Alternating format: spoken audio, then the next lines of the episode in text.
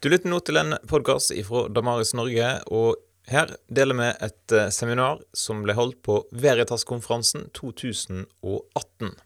Ja, vi er på en, en apologetikkonferanse nå på Veritas. Men uh, som dere har merket fra forkynnelsen, så er ikke den akkurat fri for apologetisk perspektiv. Uh, og jeg har, jeg har brent for Bare kom inn. Kan være du kom på kamera, til og med. um, jeg har brent for uh, bibelformidling um, helt siden uh, videregående, når, når, Bibelen ble veldig viktig for meg. Uh, og når jeg oppdaget apologetikken, det kristnes trosforsvar, potensialet der, så, så fikk jeg ny glede, en ny iver. Og, og jeg syns jeg fikk en del nye verktøy.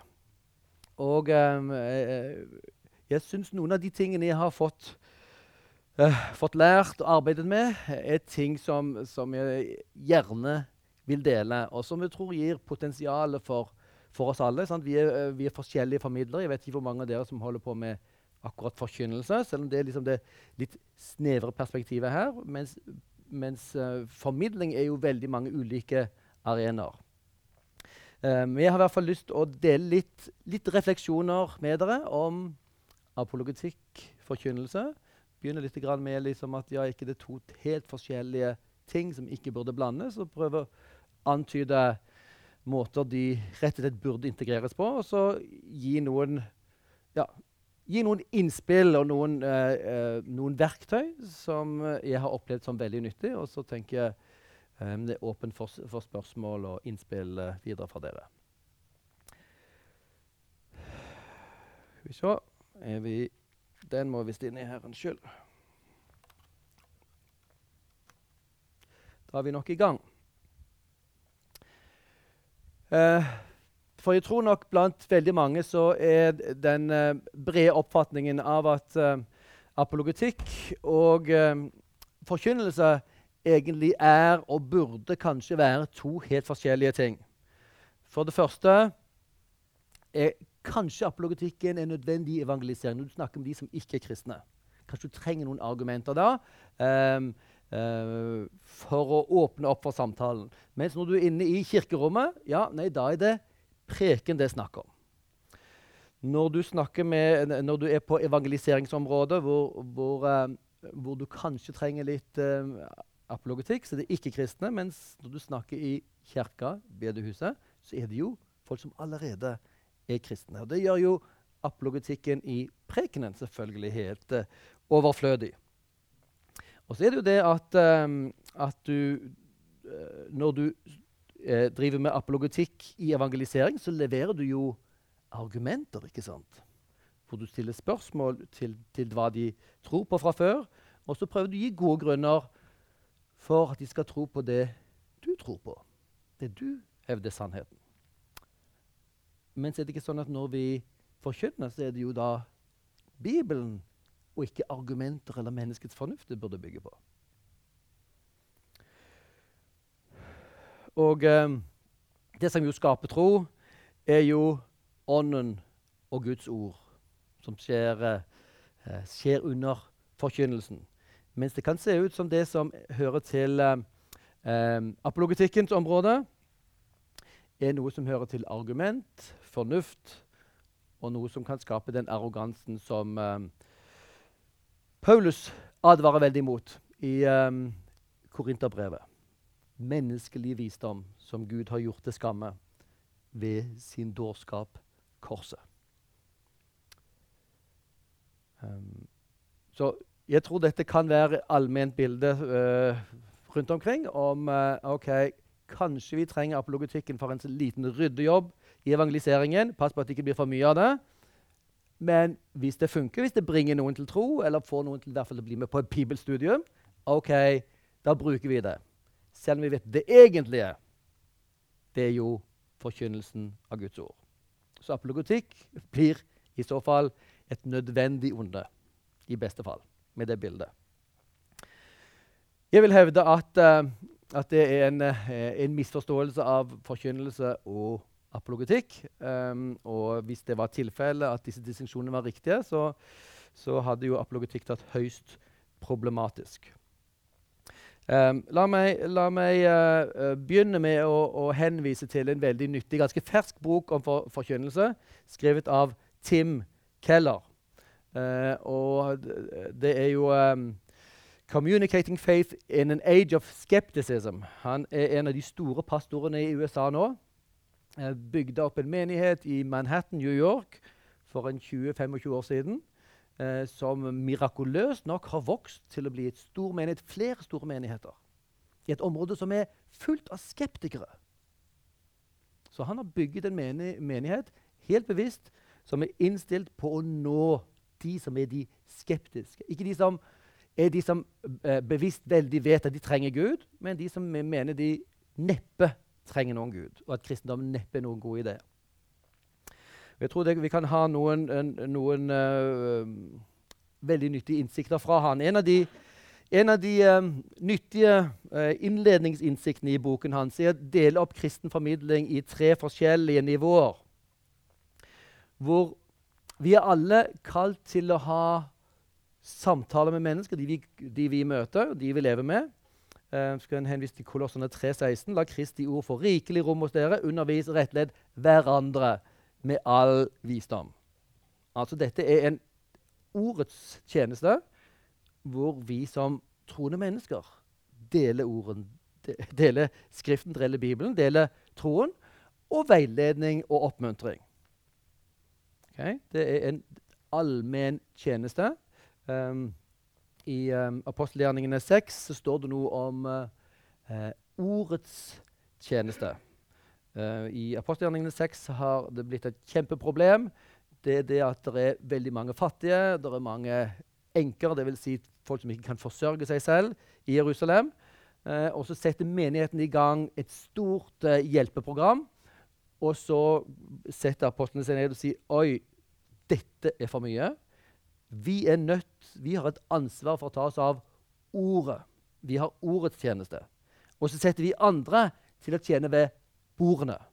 Altså det praktiske arbeidet. Der var det bordets tjeneste og ordets tjeneste.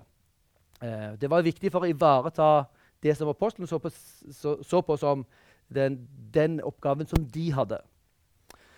Um, og det, det, ene av det er jo da ikke nødvendigvis apostlenes roller som, som uh, ledere, men, men, en av ordets tjeneste er at vi som kristne, som troende mennesker, deler troen med de vi treffer når anledningen byr seg. Um, la Kristi ord få rikelig rom hos dere. Det er interessant at det står her også Kristi ord. Um, ja. Det andre som vi kjenner til, eh, er den, denne typen formidling, hvor du har en nesten monolog, en formell samling hvor folk vet hva de kommer til. Um, I uh, apostelgjerningene 2 Peter står fram og taler til folket. Det var jo ikke en sånn formell invitasjon, absolutt ikke. Uh, men det ble en anledning hvor han som én person fikk en sammenhengende formidling til folk som lyttet på han. Og Det er det vi normalt kaller prekener ikke sant? og forkynnelse. Jeg bare tenker Det er viktig å utvide vår tanke om formidling nå helt fra starten. Um, og uh, så peker Tim Keller her på at uh, når vi ser på, uh, på formidling i Nytestamentet, så er det en, eh, en mellom, et mellomnivå her. Det er noe vi leser om i 1. Peters brev.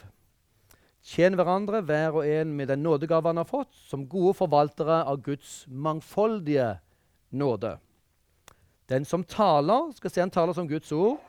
Den som tjener, skal tjene med en styrke Gud gir. Slik skal Gud i etter alt bli æret ved Jesus Kristus. Noen har gavene til å tale, og det er ikke alle de som er skal preike, som er eh, forkynnere, eh, prester. Men noen har den gaven å snakke med folk på en måte som, som styrker folk, og som gir folk forståelse, oppmuntring. Og som ikke nødvendigvis har veldig formelle roller. Det er en sånn mellomtjeneste hvor folk har en gave til å snakke med eh, mennesker. Det kan være bibelgrupper, det kan være i nabolag. Eh, noen er bedre til å åpne samtalene, noen er gode til å gå dypere. Um, og så er poenget her for Peter at ok, her har vi masse gaver. Sørg for å bruke dette til Guds ære. Den som taler, skal tale som Guds ord. Og den som skal tjene, skal tjene med Guds styrke. Okay, det er den, den, første presiseringen som utvider vår forståelse av uh, når vi tenker på forkynnelsen. Um, la, meg, la, meg, hente fram en, uh, en, gammel, uh, en gammel, konflikt i, i, forhold til dette med trosforsvar og formidling. Det er nemlig dette at det, det kristne budskapet er jo egentlig ikke Du kan ikke summere det opp med at ja, Gud finnes, og Jesus er Guds sønn, og det finnes en treenighet. Eh, det er jo sant. Det er ingen som hopper i taket av det. Eh, og er det gode nyheter? Det kristne budskapet, det vi kaller evangeliet, det er gode nyheter. Det er noe som har skjedd, det er noe som er historien. Før det var det ikke der, og så etter det så hadde det skjedd. Det kristne budskapet er om hendelser. Og Det betyr at, at, en av de viktige modellene for kristen formidling i Nytestamentet er, er den proklamatøren, nyhetsoppleseren. De hadde jo ikke aviser, hadde ikke engang Internett på den tiden. Kan dere tenke dere? Men de hadde folk, offentlige tjenestemenn, som gikk rundt og proklamerte. De satte opp plakater, og de som leste, uh, kunne lese dette høyt for andre. Uh, og så kunne de stille seg opp på, på de travle områdene, på markedsplassene og proklamere. F.eks. at nå var det en ny keiser innsatt. Nå er Augustus blitt kronet som keiser. Eller nå har keiseren fått en ny sønn. En ny frelser er dere født. Eh, eller at nå har vår konge vært ute i strid. Han har vunnet den striden. Så nå kommer han hjem om en stund. La oss hilse han med et festtog. Okay. Dette er gode nyheter.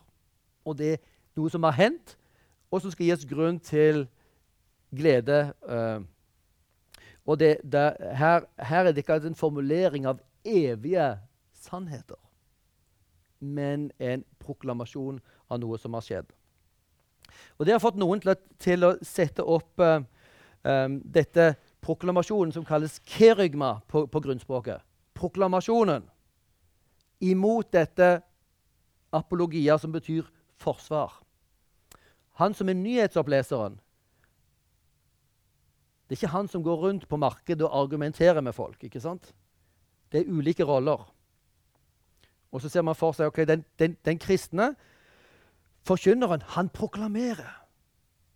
Gud er kommet til verden, Jesus Kristus. Han døde for våre synder og stått opp til vår rettferdiggjørelse. En ny framtid har åpnet seg for oss. Og det er en proklamasjon som er sann. Og noen, noen eh, kristne og noen forkynnere har hatt den forestillingen at ok, og der burde vi også stoppe.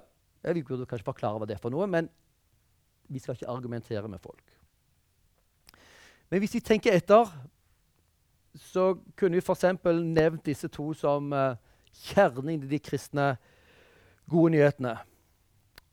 F.eks. Jesus er Herre. To ord på gresk. Jesus Kyrios. Det er gode nyheter.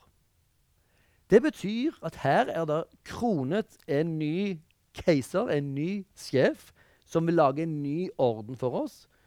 Og hvis vi vet hvem denne herren er, som peker tilbake til Gamle testamentets Messias-profetier, så vet vi han vil la rettferdigheten strømme som en elv. Han skal bringe retten til jorden. Endelig skal enhver få sitte under sitt oliventre med sin mark og fred med sin familie. Og slippe å bli jaget rundt og hundset og truet og tråkket ned av makten. Jesus er Herre, bærer i seg den klangen fra Det gamle testamentets løfte om Messias. Han skulle komme. Og dessuten bærer det med seg en klang av uh, Ordet 'Herre' er jo det, det, det som i Gammeltestamentet brukes for navnet på Gud, Javé. Uh, og I salmene blant annet, så finner du uttrykket 'Javé er konge'. Skal Elvene jubler, og trærne klapper i hendene. Hele skaperverket skal juble, for nå endelig kommer den som er skaperen, tilbake til sitt eget og skal rydde opp. Nå skal alle de som er tråkket, endelig bli frigjort. Det frigjørende evangeliet. Gud kommer til sin verden. Jesus er Herre. Bærer både i seg skaperen kommer til jorden og skaper orden. Og det bærer i seg de gammeltestamentlige profetiene om denne kongen som skal bringe rettferdighet og fred. Først i Israel, men så over hele jorden. Og sånn at folk etter hvert skal strømme til Guds fjell, Jerusalem. Les Jesaja 2. Dette er det kristne budskapet, og som kan formuleres i Nytestamentet bl.a. også sånn. Jesus døde for våre synder etter Skriftene. sant? Stå opp for vår rettferdighet. Det er en proklamasjon. Vi som kristne vil jo hevde det er sant. Men så er spørsmålet ja, nå har jeg sagt dette. her. Er det sånn at det bare setter seg ned? Eller det, trenger vi å gjøre noe mer? Jeg tror vi trenger, Hvis vi utvider vår forståelse av hva formidlingen er, og ikke bare ha den nyhetsoppleseren som et bilde på hva som er en formidler, men det er et levende person, en ambassadør, som representerer noen, og som ikke bare skal proklamere, ikke bare skal si 'Jesus er Herre', men som skal forklare hva det innebærer. Jo, hvem er denne Jesus? For når du sier 'Jesus er Herre', så høres det politisk veldig problematisk ut. For vi har jo én Kyrios, og han heter Cæsar. Cæsar er herre. Og så begynner du å si at Jesus er herre. Er du ute etter noe politisk sabotasje her? Og da er det veien kort til korset for enhver som vil kaste seg inn på det sabotasjeløpet. Hva mener du med Jesus er herre? Det trenger å forklares. Og hva slags type herre er han? Og hvordan kan vi vite at han er herre? Og når vi vet hvordan det gikk med han? Han ble drept av romerne. Ikke bare ble han drept, han ble drept på den mest ydmykende måten som tenkes kan. Hengt naken på et kors. Til utstilling. Så at Én ting å drepe en person i en ambassade, unnskyld, det er forferdelig.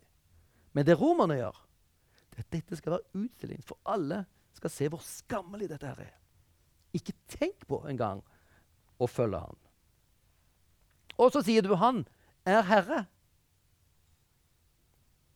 Hvis du var en jøde, så ville du si ja, jeg trodde Messias skulle bringe fred. Jeg ser ikke noen ting fred han har brakt. Og dessuten endte han ganske tragisk. Og hver den som henger på et tre, er forbannet, sier Gammeltestamentet. Så Jesus er forbannet av Gud. Forklar meg! Hvordan går det an å tro dette? Herre? Hvis du ser Det nye testamentet, så forklarer de. Begrunner. Hvordan kan du tro at Jesus er Herre? Hvordan kan han, han som er under Guds forbannelse, være vår frelser? Og Paulus er jo han bar vår forbannelse. For Guds fred var våre synder som han bar. Og så byr han oss tilgivelsen. Og i, i, i Romerbrevet så forklarer, forklarer Paulus at, uh, at, Jesus ble vist å være Herre ved oppstandelsen fra de døde. Det er noe han har dokumentert. Ved uh, Gud reiste han fra de døde, så tok Gud parti for Jesus og sa at Jesus talte sant om seg sjøl som å være verdens frelser, å være Guds sønn, uh, å være det vi kaller Herre. Det vil være si, sjefen for alt i universet, i den bibelske forstanden. Vi ser Nytestamentet gjør dette, her, og vi ser at skal vi formidle dette til mennesker, så trenger vi ikke bare proklamere det, men vi forklarer hva det er for noe, på en måte som gir mening. Så trenger vi begrunne det. Og når folk eh, synes dette høres vilt ut, ja, så trenger vi å svare på innvendinger. Og vi vet at de i eh, gamle dager, på disiplenes tid, var en mange innvendinger. Og en del av svarene finner vi faktisk i Det nye testamentet.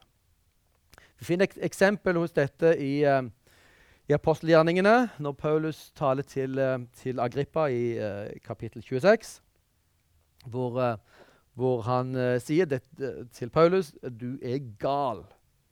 All din lærdom driver deg til vanvidd. Han kunne ikke fornekte at Paulus var enormt lærd, men dette høres helt forrykt ut. at Paulus hadde først forfulgt de kristne, og så hadde han på et eller annet rar måte blitt slått til bakken av en eller annen Jesus Herre, og som hadde kalt han til å bringe det budskapet om han som var korsfestet, rundt i hele verden, til jøder og hedninger. Det høres for galt ut. Helt for vilt ut.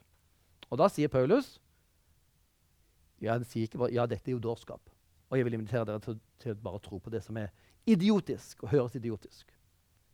Nei, han sier dette er sant. Det er samsvar med virkeligheten. Jesus døde. Han døde for våre synder som en tolkning av hans død. Han sto opp. Historisk sannhet. Og eh, han står for vår rettferdiggjørelse, som er en tolkning av dette. Det er sant. Det har skjedd. Og det er godt gjennomtenkt. Dette henger sammen. Det gir mening. Og jeg tenker Det er en, en av de tingene som vår forkynnelse også trenger å, å, eh, å, vise og hjelpe våre tilhørere til å forstå. Om de er kristne eller ikke kristne, så trenger vi å forklare ja, dette stemmer. Det er sant. Og det er gjennomtenkt. Og så føyer Paulus til det har jo ikke skjedd i noen avkrok. Um, det som vi leser om i Nytestamentet rundt, rundt Jesus, sant? Hadde dette skjedd i en krinkelkrok i Norge, så kunne det vært like sant. Men vi hadde ikke hatt tilgang til, uh, til materialet annet enn noen rykter. Nå, nå, valgte Gud å gjøre dette midt i Romerriket. Midt i, i, i Jerusalem, den heksegryta i påsken. Sant? Hvor det var ti ganger befolkningen til stede. Sant? Da valgte Jesus, nei, valgte Gud la Jesus dø på korset og reises opp igjen. For å sikre at det var mange vitner, og sikre at det var mange fiendtlige perspektiver, sånn at det ikke var veldig lett å vitne, som for oss gjør dette enda mer pålitelig. Så jeg tenker, når, når, vi tenker om formidling både på det personlige planet og på forkynnerplanet og den midt imellom, når vi kanskje snakker til grupper, så er alle disse tingene relevante. Og vi må selvfølgelig integrere en proklamasjon med en forklaring. Og Hvis dere ser apostelgjerningene 17, Paulus taler til de i Aten, som er en av de få talene i Bibelen til folk som ikke på forhånd tror på Bibelen og Israels Gud, så er størstedelen av talen en, en, en, en, redegjørelse for hvem Gud er, hvem Gud ikke er. Han bor ikke i templer. Han trenger ikke ofringen der. Han er jo skapt alt. Det er han som gir liv. Dere trenger ikke fòre han. Bruker masse tid på å redegjøre for hvem Gud er, og hvem Gud ikke er. Forklare. Og så kan man si denne Gud eh, har bestemt en dag hvor han skal dømme verden med rettferdighet. Det skal endelig en dag ryddes opp i dette universet. Um, og til det har han utpekt én mann som han har vist, eller bevist, ved å, reise ham opp fra de døde. Og Da ser det ut som Paulus ble avbrutt. Paulus hadde sikkert mye mer kunne sagt. Uh, men Paulus bruker mesteparten av tiden til å prøve å forklare Guds begrep, hvem Gud er, han som har skapt oss, han som har autoritet over oss. Han som bringer rettferdighet. Han som vi står ansvarlig overfor. ikke sant? Og han som har sendt sin sønn for å dø for oss. Det rakk han ikke si, si noe om, men oppstandelsen rakk han å si noe om. Forkynne, forklare, begrunne forsvaret. Jeg tenker De tingene henger sammen. Når vi skal formidle noe som er viktig, så fortjener folk gode grunner av oss. Hvis vi ser raskt på en av de betydelige apologetene i vår tid, som heter William Lane Craig, um, bl.a. skrevet 'Reasonable Faith' og nettsiden reasonablefaith.org. Eh, kjenner dere ikke til dette stoffet, så burde dere inn der i etterkant av Veritas. Han har definert eh, apologetikk som that branch of theology which seeks to provide rational justification for the truth claims of the Christian faith. Okay? Det er en del av teologien, det vitenskapelige uh, uh, arbeidet med troen på Gud, som forsøker å begrunne, gi fornuftige grunner for sannhetspåstandene i den kristne troen. Den kristne troen påstår at noe er sant. Det finnes en Gud. Vi kan kjenne han. Han setter sin sønn. Han døde for våre synder. Den kristne apologetikkens jobb er å forsøke å gi de tankemessige begrunnelsene for dem. Men hendelsene er mer grunnleggende. Sant? Gud som har handlet, Men hvordan skal vi få, få hjelp til å forstå dem? Um, og hvordan kan vi gi gode grunner for å holde dette for sant også? Og så sier han det er, er noen, um, um, noen, elementer av, av uh, kristen apologetikksanliggende som er viktige for oss. For det første dette med å være opptatt av å begrunne hvorfor kristentroen er sann. Det er et uttrykk for å elske Gud med også hele vårt sinn. Ikke, hele, ikke bare hele vårt hjerte, sant? Men også hele vårt sinn. Um, hvordan ærer vi Gud også med å bruke tanken vår? Jo, den kristne apologetikken er spesielt opptatt av den tankemessige siden vår. Det er ikke hele oss. Det er ofte ikke tankene som styrer, eller bare tankene som styrer oss. Det er ofte masse følelser. Men tankene er veldig viktig. Det gir oss retning. Eh, og tar vi tankene på alvor, så er det et uttrykk for å elske Gud med hele vår tanke, eller vårt sinn også. Den, den, uh, de tre sentrale oppgavene i teapologetikken er å vise de ikke-troende eh, sannheten i den kristne troen. Det tenker vi på en måte evangelisering. Når du forkynner evangeliet om Jesus, det gode budskapet om Jesus, så trenger du å begrunne det. Hvorfor skal de tro at dette er sant, eller meningsfullt, eller bra, eller vakkert? Jo, da trenger du å vise det. Det er apologetikkens oppgave. Men så er det også en annen oppgave som er å, det å bekrefte troen for de som allerede tror. For mange ser for seg at apologetikken skjer med ateistene. Det er en stor feilvurdering. Vi trenger å få kristen trosforsvar, i hvert fall som perspektiv, inn i, pers inn i vår forkynnelse, i vår tenkning om formidling, i bibelgrupper. For vi trenger å vite at dette er troverdig. Tenk eh, åpningen til Lukasevangeliet. Ærede Teofilos. Sant? Det er mange som har sett seg ned og skrevet det her. Nå har jeg gjort det, dette i, de i sammenheng eh, for at du skal vite det er troverdig, det du er opplært i. Du er opplært i noe. Du har det. Du uh, vet hva det er for noe. Men den sammenhengen jeg har satt det i, og måten jeg har dokumentert det på, gjør at du ser at det er troverdig. Vi trenger å vite at det er troverdig. Våre ungdommer trenger å vite at det ikke bare er en tro, det er ikke bare foreldrenes tro, men det holder i seg selv. Det øh, øh, siste elementet her, til oppgaven til apologetikken, er jo en interessant ting som ikke går så midt inn i dette med forkynnelse, men det er å utforske forbindelsen mellom den kristne læren og andre sannheter. Det er jo mye da, ja, det kan være generelt å tenke over kristen tros forhold til mange typer spørsmål. Og ikke, Bibelen omtaler jo ikke alle spørsmål, så, så, da må vi prøve ja, med min beste forståelse ut fra Guds ord kan vi si noe om det området. Hva kan vi kanskje ikke si ut fra Guds ord? Kan si at det er, er apologetikkens område. Uh, vi hadde et, et forskningsseminar her uh, på fredag, som vi nevnte så vidt her, um, som går på akkurat denne delen av apologetikken. Å utforske hva, uh, ut fra den kristne troen, hvordan skal vi se på naturen og naturvitenskapene. Sånt. Hva kan vi lære av dem? Hva, hva, trenger vi å forstå? Hvordan trenger vi å forstå dem?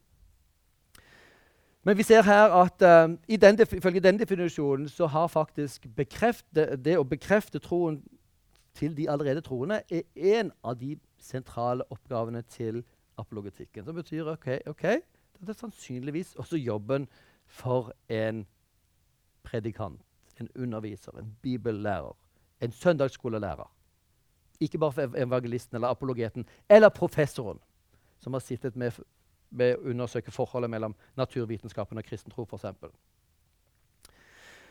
Hvis vi bruker en annen uh, definisjon av, av, min uh, kollega Lars Dale, så finner vi um, ressurser for å tenke gjennom forholdet mellom forkynnelse og apologetikk.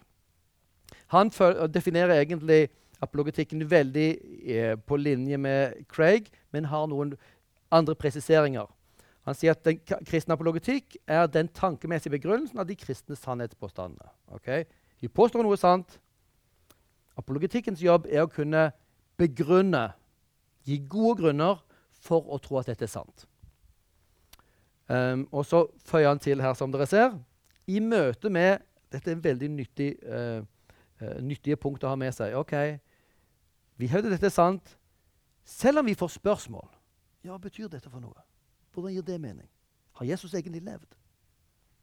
Um, innvendinger. Ja, men du kan ikke bevise det.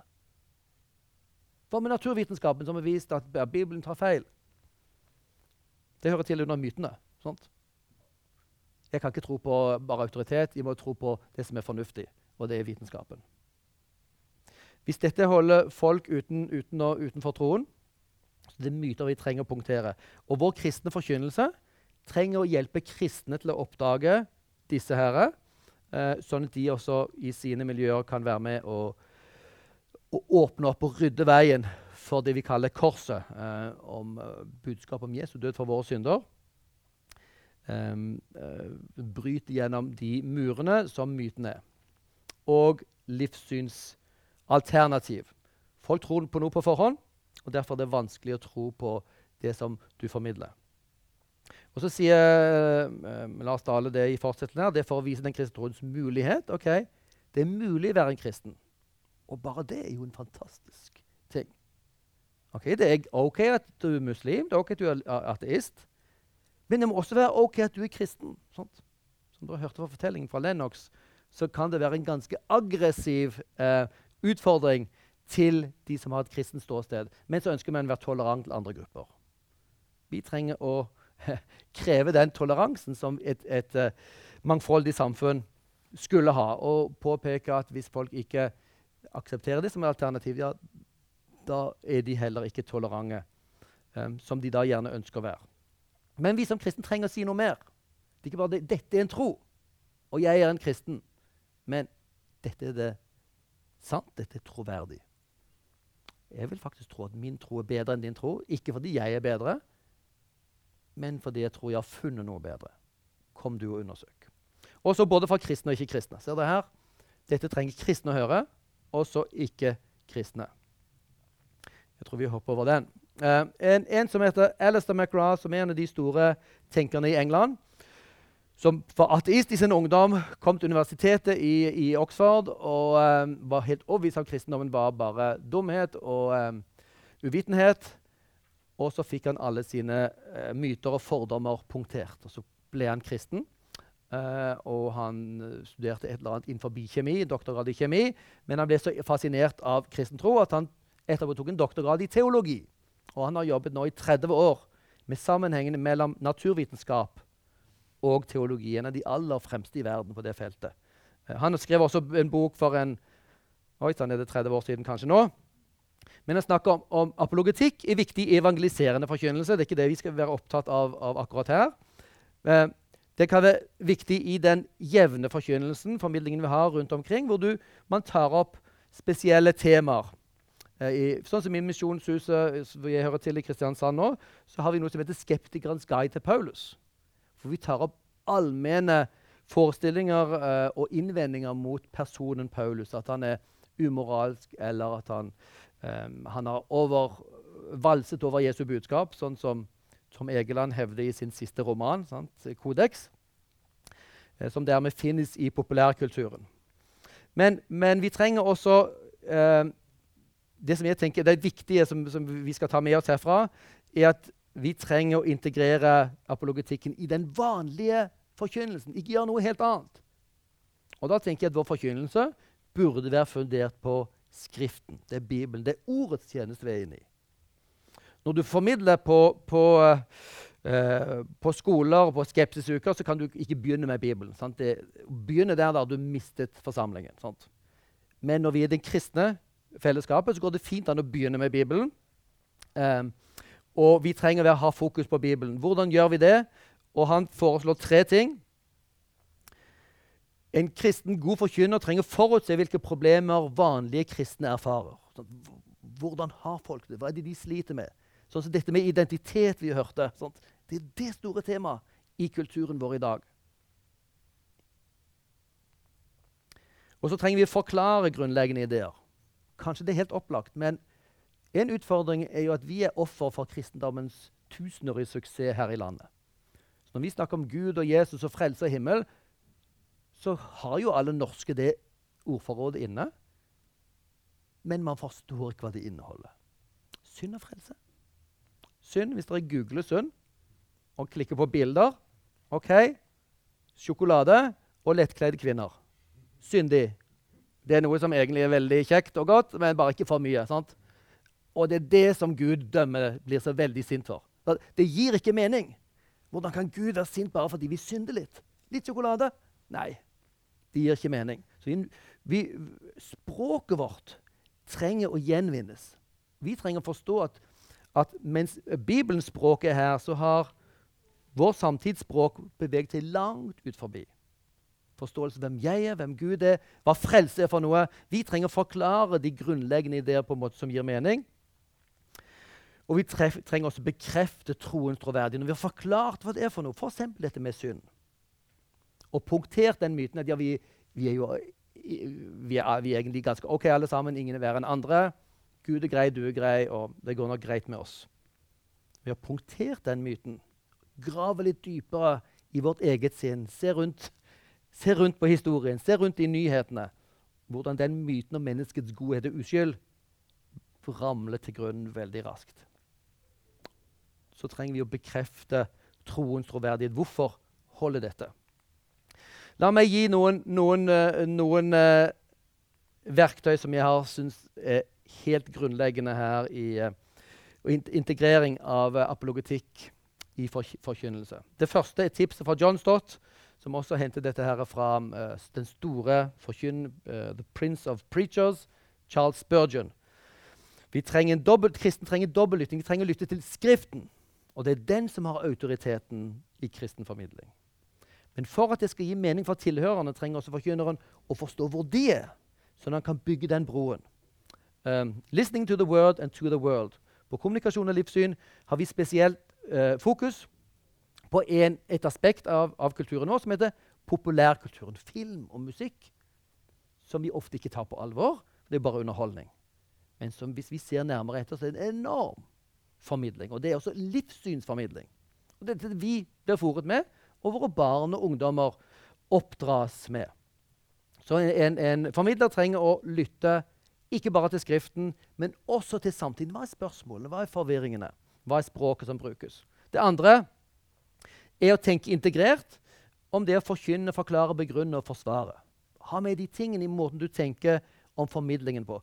Hvorfor skal de som hører på deg, tro at dette er troverdig og sant. Og Det finnes masse grunner. og Disse ressursene finnes. De finnes delvis i Skriften. De finnes delvis blant masse kristne som har gitt oss disse ressursene. Ja, vi se her um, F.eks. disse påstandene 'Jesus er Herre', som er oppsummeringen av evangeliet. 'Jesus døde for våre synder etter Skriftene'. Eller Johannes 3, 16, 'For så høyt har Gud elsket verden'. Disse trenger å forklares og forstås. Og eh, jeg ville tenkt kanskje å skulle jeg forkynne over Johannes 3, 16, ville vært en av de vanskeligste tingene å gjøre. fordi den kan vi altfor godt. Det går bare rett gjennom. Men nettopp derfor trenger vi igjen å hente fram disse tingene. Og jeg tror Hvis vi henter fram disse tingene, og som hører med i Lars Dale sin definisjon av apologetikken okay, Hva er spørsmålene som mennesker eller ungdommer hvem som helst som vi sitter med her, eller de ut forbi min menighet. Hvilke spørsmål vil jeg ha til dette? Herre? Jesus døde for våre synder. Er jeg en synder? Syns du jeg er ekkel? Syns du jeg er noe dritt? Syns du jeg er verdiløs? Er det det du sier? Det er en fornærmelse. Sånn, da hadde de ikke forstått hva vi mener med synd. Da har vi ikke kommunisert. Vi har feilkommunisert. Og, og, innvendinger og myter, og også dette med livssynsalternativ. Vi kommer helt raskt tilbake til det om et ørlite øyeblikk.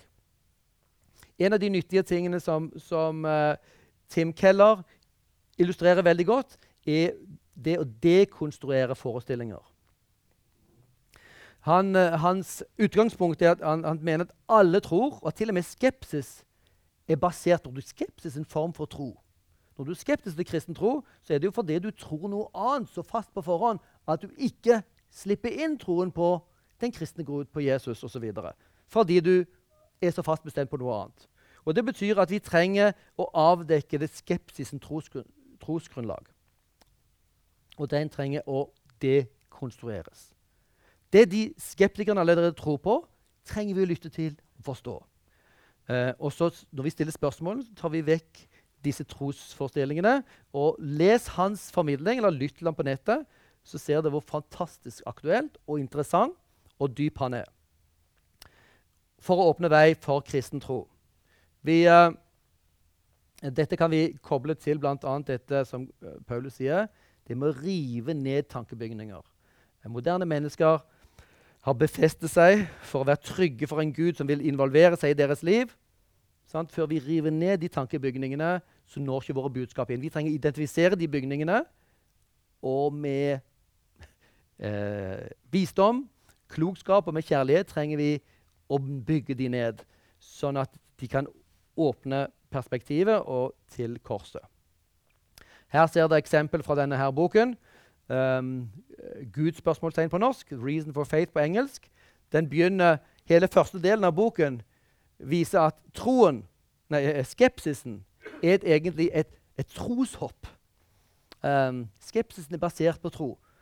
Det kan ikke bare være én sann religion. Hvordan kan Gud tillate lidelse? Kristendommen er en eh, tvangstrøye osv. Disse forestillingene trenger vi å ta opp, og så trenger vi å vise at det er en total misforståelse. Og så er det lettere å fortelle hva Bibelen formidler. Og når Tim Keller gjør dette, så det er ikke bare han tar som, som tema, men det er alltid ut fra en bibeltekst, som er en veldig nyttig modell for oss. Og så det siste jeg vil dele med dere, er noe av det som vi fikk, fikk med oss her fra, fra John Lennox. Uh, og en ting som er sentralt for oss på kommunikasjon og livssyn på, på Gimlekollen. Livssynsbrillene. Anvend livssynsperspektiv på bibeltekst. For så høyt har Gud elsket verden. Okay, Det høres ut som en ja, Selvfølgelig elsker Gud verden. Vi er jo søte. sant? Hvalen er søt. Gud elsker naturprogrammer. Sånn som vi gjør. Selvfølgelig elsker Gud oss. Mm. Vi har ikke forstått helt dette. her. Gud elsker sine fiender, de som hang han på korset. Det er det som det fortelles um, om. Det finnes faktisk en Gud, en Gud som har skapt oss, og dermed som vi står ansvarlig overfor. Gud er ikke bare en som eksisterer, sant? som kunne være greit nok. Det er et, en, et livssyn vi kaller deisme.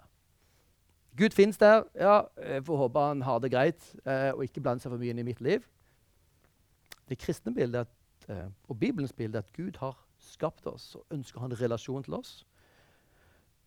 Og var så radikalt å sende sin egen sønn, kom selv her til jord, og vi hang han på et kors.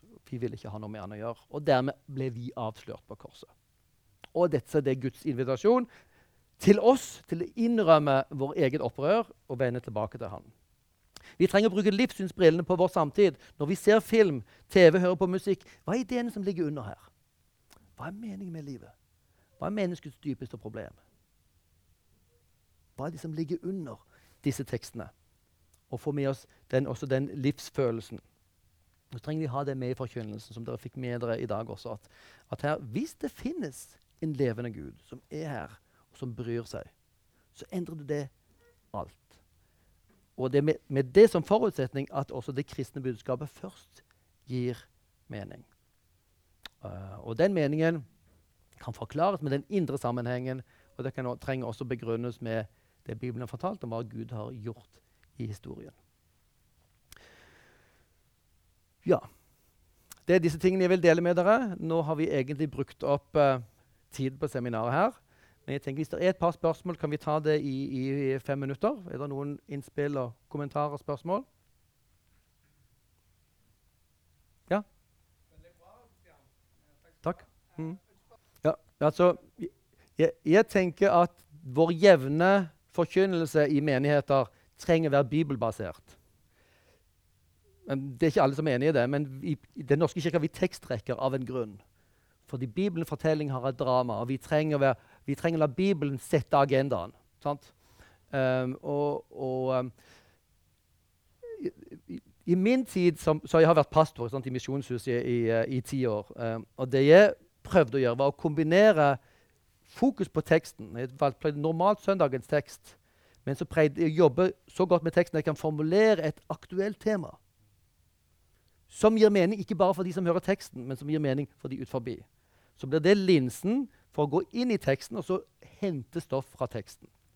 Uh, um, jeg tror vi trenger seminarer. Ting, ja, ting som dette, ting, ting, vi tar av hva med det ondes problem osv. Sånn som vi har Skeptiker's guide til Paulus. Um, og noen kan kalle det forkynnelse eller ikke forkynnelse. Sant? Men, men uh, vi, når vi snakker om det skeptikerens guide, så inviterer vi inn folk som ikke vi forventer tror på forhånd. Og Det betyr at måten vi snakker på, burde være annerledes. Når vi kommer inn i, uh, i våre gudstjenestelokaler, så begynner vi jo med lovsang, og det er helt OK. Men jeg tror nok kanskje vi trenger mer å forklare. Hvorfor synger vi her? Hvorfor synger vi til Jesus? Ofte ligger jo det innbakt i sangen også. Um, og forklare trosbekjennelsen. Hva er det vi ber vi? Nei, vi ber jo ikke. Ikke, ikke leser vi. Sant? Hva, hva er trosbekjennelsen? At, at, um, disse leddene er viktige, forutsetter kristen tro og gir mening da. Men vi trenger å få forklart hva de betyr, og så trenger vi igjen å kunne hjelpe oss til å skape en kultur i kristne menigheter for å kunne komme inn uten å på forhånd tro. Vet ikke om det var svar på spørsmålet, men, men jeg tenker hvis, hvis, vi burde ha bibelfokus i formidlingen, så tenker jeg det burde være den normale når jeg tenker gudstjenester. Og så kan vi krydre med temakvelder som er på en måte litt mer lavterskel, hvor man kan komme inn. Og så får vi mer, enda mer mat for sjelen fra Guds ord på, på søndagene. Sånn, sånn har jeg tenkt. Eh, men, men, det er kanskje kunst med et skille. Hvis dere hører på Tim Keller, så greier han en kombinasjon der. En helt sjelden uh, kombinasjon. Ja. Og jeg tror det er viktig at ikke vi ikke velger enten eller, enten det er Bibel, eller så er vi aktuelle. Bibelen er aktuell, men vi greier ikke alltid å se det. Og Av og til er det vi kristne sin skyld. At vi, vi får Bibelen til å virke irrelevant. Et spørsmål til? Ja? Allmenn oppbevaring, ja. ja. Det, det er overhodet ikke noe problem. Men vi, vi forutsetter jo det at, at, de vi snakker til, de har en eller annen sans eller de uh, For en del av de tingene vi snakker om. Dette med mening, rettferdighet, kjærlighet, godhet. Eksempel, det er ting som gir mening for mennesker, for vi er skapt i Guds bilde. Og det mener jeg hører med til allmenn åpenbaring. Eh, og, og, I veldig mange religioner er forestillingen om en guddommelig vesen. Sant? Og Det vil vi kunne si er allmenn åpenbaring, men det frelser jo ingen. Sant? Men det kan være et startpunkt for å åpne opp. Som Paulus i apostelgjerningen ja, ser dere et alter her. Tilfeldigvis var det et alter for den ukjente guden, og det de ikke visste.